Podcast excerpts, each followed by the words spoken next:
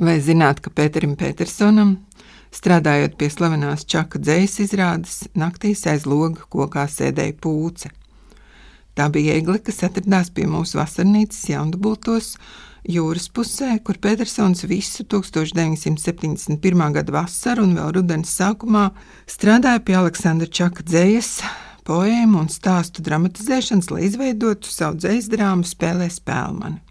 Jūrmalā nekādu pirms tam vai pēc tam šo putnu mēs netikām redzējuši, un vienīgais izskaidrojums bija tāds, ka pūce esot bijusi arī čakam, simboliski zīmīgs putns, un dzēnieka bērēs esot sēdējis kokā netālu no kapa.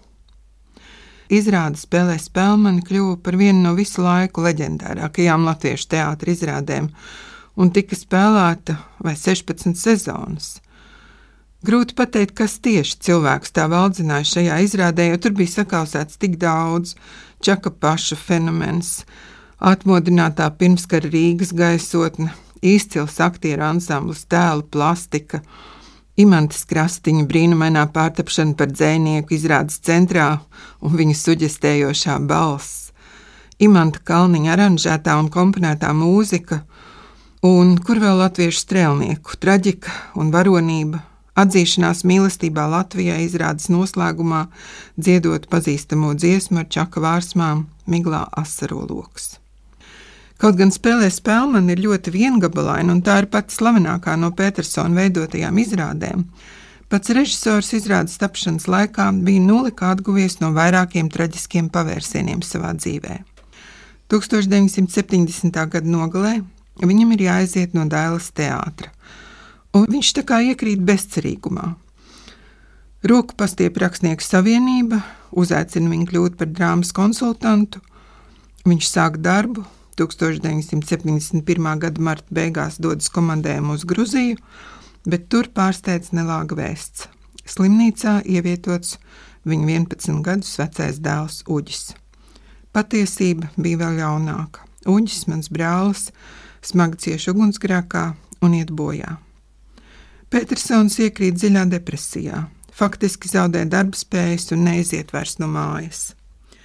Taču tās pašas vasaras sākumā Petersona jaundabūtos apciemo Imants Ziedonis un mēģina pierunāt ķerties pie čaka dzējas dramatizējuma.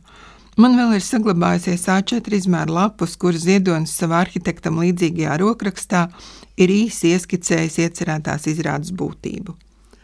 Viņi tiekas vairāk kārt un runā un runā, Līdz beidzot Petersons vasarā ķeras pie darba, un jau rudens pusē jaunatnes teātra vadība, direktors Gudzuks un galvenais režisors Šapīro augstsirdīgi piekrīt, ka izrādi varētu veidot viņu teātrī.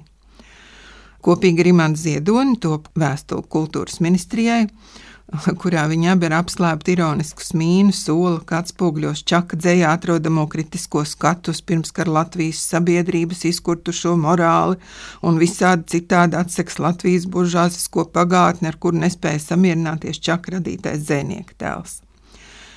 Jā, liktenis šoreiz ir labvēlīgs Petersonam un Čakam, un izrāda bauda gan kritikas, gan publikas mīlestību, un vēlāk tiek ierakstīta Latvijas kultūras kanonā. Bet Petersona dzīvē tā nav vienīgā liktenīgā sakritība, kas saista viņu ar Čaku. Abi bija pazīstami Čakam vēl dzīvam esot. Petersona dzīves biedri Eleonora, saukta Nora, mana māma, pēckara gados strādāja Valodas un literatūras institūtā, kur tūlēk darbojās arī Milda Grīnfelda. Abas satuvinās, un tā kā Milda draudzējas ar Aleksandru Čaku, abi pāri reizēm kopā iziet vakaros pilsētā vai apsēžas kādā lokālā. Milda tobrīd ar abiem bērniem ir iemetināta dzīvoklī Brīvības un ģētrūdas ielas stūrī, ēkas sestajā stāvā, kur pirms tam ir atradusies Valdemāra Tonas darbnīca. Jā, tobrīd bija pat neiespējami paredzēt, ka no 1961. gada šis pat dzīvoklis kļūs par Petersona ģimenes māju vietu, un Petersons tur izveidos savu slaveno divstāvīgo bibliotēku. Taču atgriezīsimies 1950. gadā. Ir februāris, ārā valda liels saules. Čaks ir apaugstējies, jo viņa Latvijas ielas dzīvoklī ir atslēgta apkūra, tāpēc viņš meklē palīdzību pie Mildas Grīnfeldes. Viņš sirgst arī ar sirds nepietiekamību un uzkāps līdz sastajam stāvam, viņš pavisam zaudē spēkus. Dzēnieks tiek noguldīts lielākajā no Mildas Grīnfeldas divām istabām, pie viņa tiek izsaukts ārsts.